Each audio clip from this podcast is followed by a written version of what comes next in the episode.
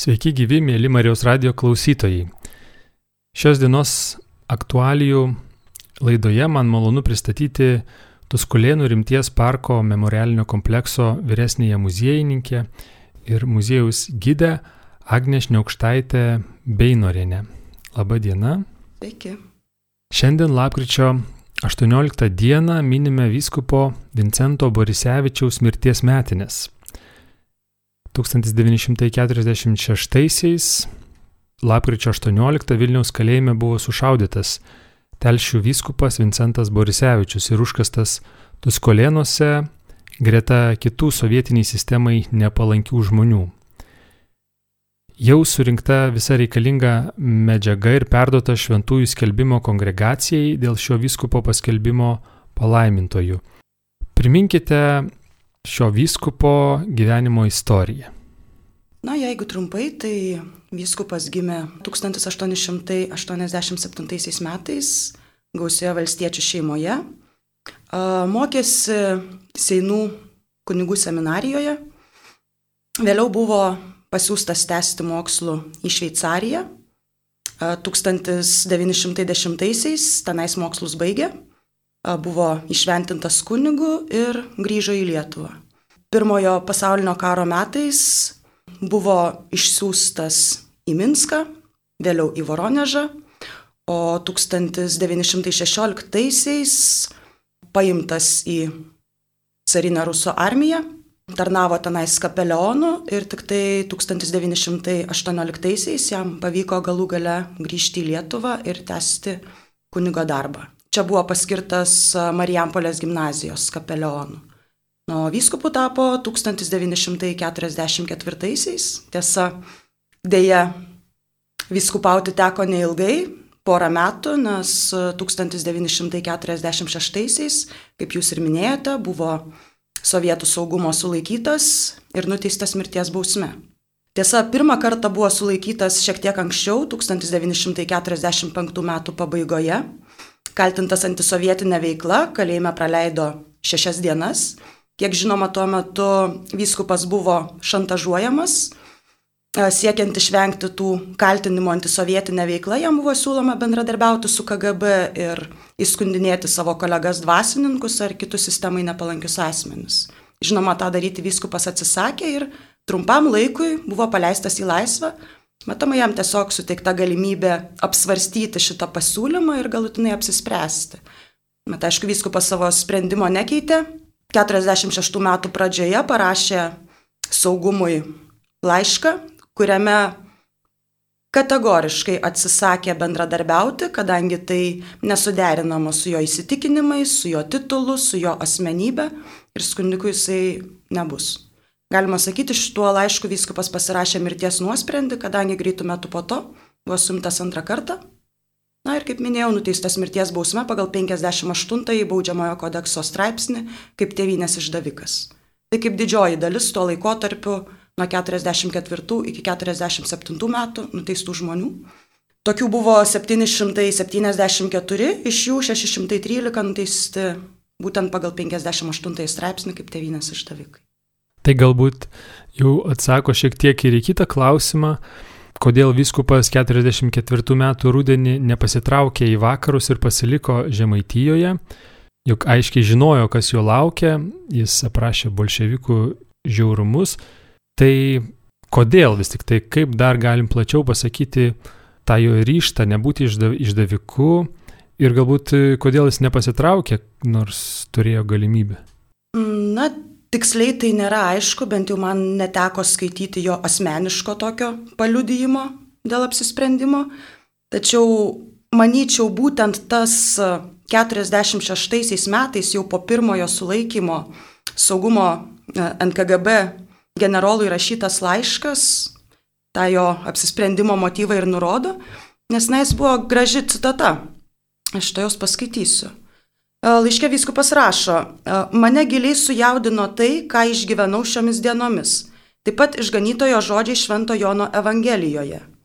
Geras ganytojas atiduoda savo gyvybę už savo avis. Tai manau, tai puikiai ir parodo būtent, kodėl jisai apsisprendė likti, tiesiog nepalikti nelaimėje tikinčiųjų ir kovoti iki galo už bažnyčios teisės. Kas žinoma, kokie buvo vyskupo Vincento Borisevičiaus ryšiai su partizanais? Iš tiesų tai pirmojo kontakto iniciatorius buvo pats vyskupas. Dar karo metais e, vokiečiams traukiantis, o raudonai armijai artėjant, e, jis susitiko su vieno partizano būrio vadais, prašydamas, kad jie susilaikytų nuo galbūt buvusių sovietų kolaborantų ar sovietų valdžiai pritarenčių asmenų persekiojimui, taip pat žmonių, kurie tuos asmenis slapstė nuo vokiečių, na, kad tiesiog nebūtų jokių keršto akcijų. O jau vėliau, antrosios sovietinės okupacijos metais, reikalui esant, partizanams prašant, Vyskupas laiks nuo laiko sušelbdavo juos ar, ar maistu, ar kitais būtinais daiktais. Šiaip, nors vyskupas tiesiogiai tardymo metu įvardino kad e, pagal pažiūras jis yra lietuvis nacionalistas, kad jo manimu Lietuva turi būti suvereni valstybė ir okupacijai jis nepritarė, tačiau niekuomet neskatino žmonių priešintis ginklu okupantui. Net e, paskutinėme savo ganytojiškame laiške, rašytame jau po pirmojo sulaikymo ir po kalinimo ant KGB vidaus kalėjime, jisai citavo šios Kristaus žodžius. Mylėkite savo neprietelius, gerą darykite tiems, kurie jūsų nekenčia. Na ir apskritai vyskupas vadovavosi ne tuo principu akis už akį, dantis už dantį, o kitu. Tai yra, jeigu tau suduoda per vieną skruostą, atsuk ir antrą. Ir apskritai stengiasi vykdyti artimo meilės įsakymą, turbūt taip galima pasakyti. Stengiasi padėti visiems žmonėms, kenčiantiems nuo totalitarizmo, nesvarbu ar nacistinio, ar sovietinio, ir padėdavo žmonėms net neklausdamas nei jų tautybės, nei religinių, nei politinių pažiūrų. Tai tokiu būdu nacijo okupacijos metais jis slapstė ir gelbėjo žydus, šelpė ir maitino į vokiečių nelaisvę patekusius raudonosios armijos karius, Na ir lygiai taip pat antrosios sovietinės okupacijos metais padėdavo ir partizanams, kom tik tai galėjo. Jau irgi pasakodama paminėjot, koks buvo vyskupas Vincentas Borisevičius, kokiomis savybėmis pasižymėjo šis vyskupas, ką galim dar apie tai paminėti. Na, vien jau mokydamasis Seinų kunigų seminarijoje jisai buvo charakterizuojamas kaip gabus ir pavyzdinio elgesio klierikas. Pradėjęs kunigo darbą, pagarsėjo savo pamaldumu, asketiškumu, nuoširdžiais pamokslais, na ir ypatingai būtent artimo meilės darbais. Nes jį pažinojusiai žmonės liudijo, na taip tiesiai ir įvardino, kad vyskupas buvo tarsi gailestingasis samarietis. Ir pagrindinė jo misija buvo padėti visiems žmonėms, kurie tuo metu tos pagalbos yra reikalingi. Kuo vyskupo asmenybė svarbi aniems laikams ir dabar, dabartiniams laikams? Na bent mano manimu, man asmeniškai svarbiausia vyskupo savybė ir buvo būtent tas jo nenolankumas na, nenuolankumas čia gal netinkamas žodis, tiesiog savų principų ir idealų neišdavimas ir neatsisakymas. Tai manau visiems laikams yra labai svarbi savybė. Mėly Marijos radio klausytojai, šiandien lapkričio 18 dieną minime vyskupo Vincento Borisevičiaus mirties metinės. Laidoje Kalbamės su Agne Šneukštaitė Beinorienė, Tuskulėnų rimties parko memorialinio komplekso vyresnėje muziejininkė, muziejaus gide. Kokią žinę iš viskupo gyvenimo ir raštų galime šiandien svarstyti ir priimti kaip aktualią ir reikšmingą žinę? Gal galite ką nors priminti iš ganytojo straipsnių, iš jo pamokslų? Na čia jau pasikartosiu, tačiau Iš jo laiškų man ypatingai užstrigo ir įsiminė viena citata, rašyta prieš paskutinėme laiške 45 metų gegužė. Ir jame vyskupas sako, Dievo nemyli taip pat ir tie, kurie iš baimės jo išsižada. Randasi tokių, kurie sakosi netiky. Žmogui, kuris gali pakengti pasišalinus, bailys parodo paslėptą kryželį ar paveikslėlį ir pavojui praėjus išpažįsta tikėjimą. Nėra žinoma būtino reikalo pasakoti, kas tu esi, bet tik ką nurodytas išpažinimas yra lygus Dievo išsiginimui, apie kurį išganytojas sako, kas manęs išsigins žmonių akivaizdoje, to ir aš išsiginsiu savo danguje esančio tėvo akivaizdoje. Tai manau, būtent tai ir yra aktualu visais laikais ir nebūtinai kalbant apie tikėjimą, bet apskritai apie savo įsitikinimų laikymasi ir neišdavimą, net pavojaus ar kažkokių nemalonumų akivaizdoje. Na šiandien, tarkim, dėl savo įsitikinimų į kažkokį pavojų gal ir nepatektumėm, bet na sutikim, kad daugelis mūsų gyvenime turbūt dažnai būnam šiek tiek dviveidžiai ir vieną galvojam, o kitą deklaruojam viešai. Tiesiog atsižvelgdami į aplinkybės, į situaciją, galbūt tavo išsakomos pažiūros tau kliudys siekti karjeros, galbūt ne kaip pasirodysi aplinkinio akise, nes tavo nuomonė nepopuliari, šiuo metu nemadinga. Na ir turbūt retas iš mūsų drįsta savo nuomonę atstovėti, taip sakant, nes, na, Dauguma žmonių yra daugiau mažiau konformistai ir mažai kas ryštasi kovoti ir ginti savo įsitikinimus iš paskutiniųjų, o lengviau plaukti pasroviui. Manau, va tas nekonformistiškumas ir turėtų būti svarbi savybė. Daugelis to meto rezistentų ir kovotojų už laisvę liudija tą tvirtą pasirežimą laikytis svarbiausių vertybių. Telšių vyskupas Vincentas Borisevičius užkastas Tuskulėnuose greta kitų sovietiniai sistemai nepalankių žmonių. Kaip pavyko atrasti vyskupo palaidojimo vietą? Na tai didžiausią darbą čia atliko valstybės saugumo departamentas. Ir tik tai 1994-aisiais jis nustatė, jog 1944-47 metų aukos sušaudytos Vilniaus NKGB vidaus kalėjime yra užkastos Tuskulėnų dvaro teritorijoje masinėje kapavietėje. Tais pačiais metais buvo pradėti vykdyti archeologiniai tyrimai, kurie iš tikrųjų truko ilgai, 3 metus iki 96-ųjų, taip pat pratesti 2003 metais, kuomet prasidėjo koplyčios kolumbarimo statybos. Na, jeigu kas dar nežino, pasakysiu, jog mūsų memorialinėme komplekse Visi rasti palaikai yra perlaidoti koplyčioje kolumbariume, kur juos galima bet kada esant norui aplankyti. Bet to kasinėjimų metu iš viso buvo rastos 45 duobės ir 724 žmonių palaikai. Juos nuspręsta ekshumuoti ir kiek įmanoma identifikuoti. Tai padaryti buvo labai nelengva, nes a, didelė dalis palaikų stipriai deformuoti, veikiami kažkokiamis cheminėmis medžiagomis. Nu, kaip vyko ta identifikacija, tai visų pirma, skeletai yra lyginami su rašytiniais tų ieškomų asmenų apibūdinimais pagal kažkokius tai fizinius požymius, amžiaus požymius, atrušiuojami. Vėliau daromas fotonuotraukų ir kaukolių sugretinimas, Taip vėl po truputėlį atsirušiuoja į mažesnės krūvelės, na ir galų gale daromi DNR tyrimai. Bet dėja iki šios dienos tik tai 66 palaikai yra identifikuoti. Visą laimę, kad tarp jų pasitaikė ir vyskupas, kuris 1990-aisiais buvo perlaidotas telšiuose, telšių katedros vyskupų kriptoje.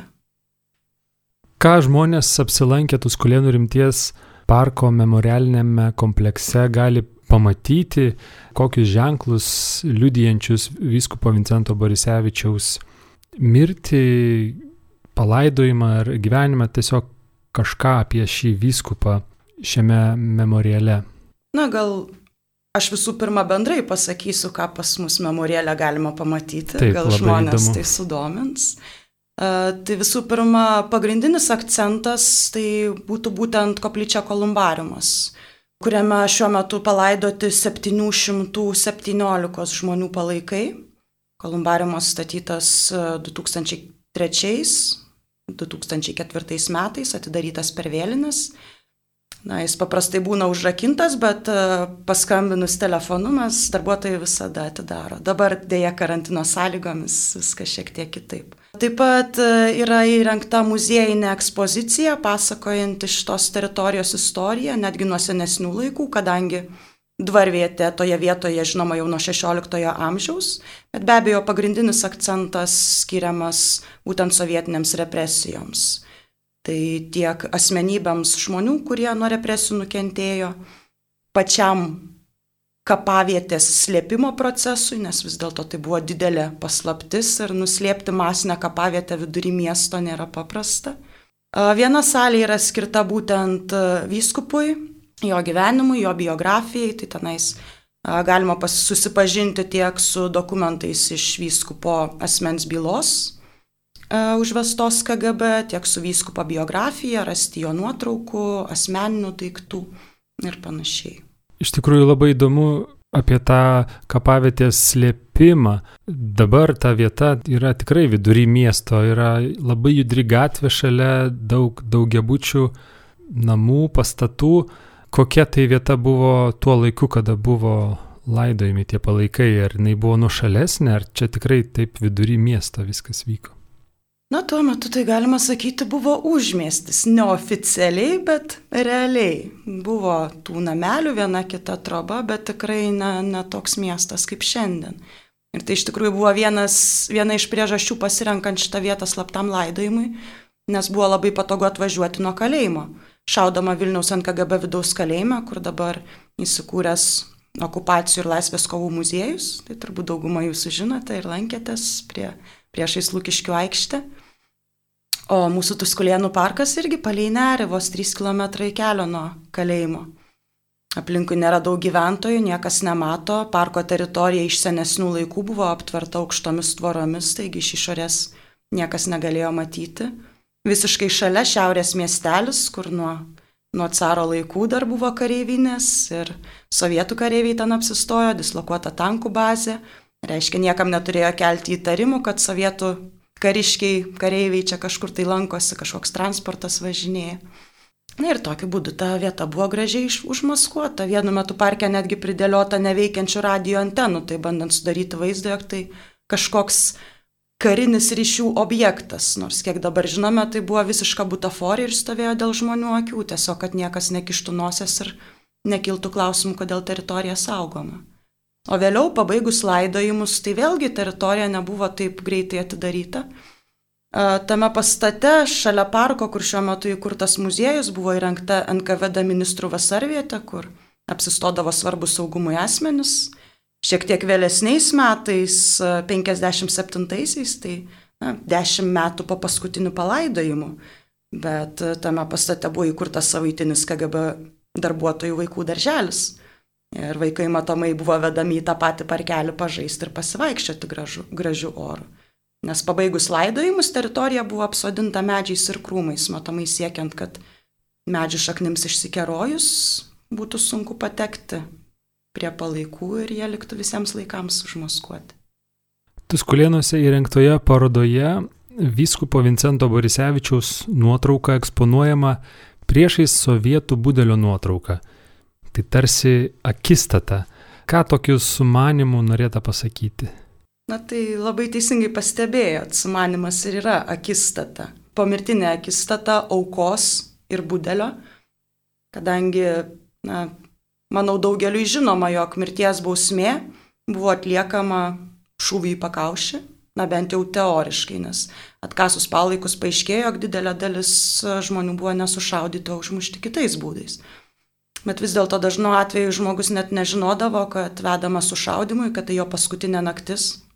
Ir užtat sudarėm galimybę bent jau dabar pasižiūrėti savo būdelį į akis, nes, kaip sakoma, jeigu jau esi drasus atimti kitam žmogui gyvybę, tai turi turėti ir drąsos pasižiūrėti tam žmogui į akis. Ir tai turbūt nėra taip paprasta, kaip šaudyti pakaušį. Kaip e, minite vyskupo žuties dieną? Na, iš tikrųjų, kažkokių ypatingų minėjimų vis, būtent vyskupo žuties dieną nėra, nes pagrindinė Tuskulėnų aukų pagerbimo ceremonija vyksta rugsėjo 28-ąją. Tuomet yra oficiali Tuskulėnų aukų atminimo diena. Mes tuomet tikrai turime gražią ceremoniją, kviečiame visus artimuosius, kitus asmenis dalyvauti. O lapkričio 18-ąją tai paprastai padedame vyskupo salėje žvakelę, jeigu tai kažkoks apvalesnis jubiliejus, padedame ir vainiką. Maždaug tuo laikotarpiu pas mus dažnai lankosi telšių vyskupo Vincento Burisevičiaus gimnazijos moksleiviai, tai jau praktiškai tradicija. Anksčiau ir seminarijos klerikai lankydavosi, bet iš esmės toks kuklus prisiminimas. O vyskupo palaikai, kaip minėjote, yra perkelti į telšius, taip? Taip, jie 1999-aisiais perlaidoti Telšių katedros vyskupų kriptoje. Na ir tarp kitko, mūsų muziejuje, vyskupo kambaryje galima pasižiūrėti netgi filmuką apie tą perlaidojimo ceremoniją. Mėly Marijos radio klausytojai, šiandien laidoje, kuri jau eina į pabaigą, su Agne Šniaukštaitė Beinorienė, Tuskulėnų rimties parko memorialinio komplekso vyresnėje muziejininkė ir, ir gide, kalbėjomės apie vyskupo Vincento Borisevičiaus mirties metinių progą, kalbėjome apie jo gyvenimą, taip pat jo nužudimą, jo palaidojimą.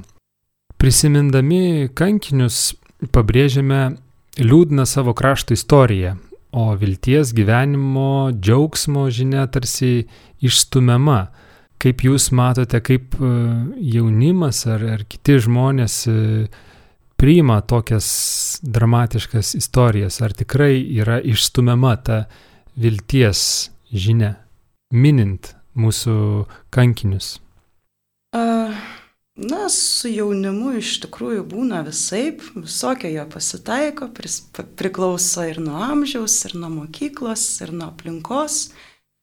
Ir apskritai netgi, sakyčiau, mūsų tas jaunimas auginamas tokioje daugiau pozityvioje atmosferoje, iš kurios stengiamasi pašalinti viską, kas negatyvu, kas galbūt gali traumuoti, nuliūdinti, na, netgi iš, iš liaudės pasakų yra išimamos tam tikros detalės, jos perrašinėjamos, cenzuruojamos, kad tik tai nesutraumuotų tos jaunos asmenybės ir visi auktų rožiniam ir pukuotam pasauliu.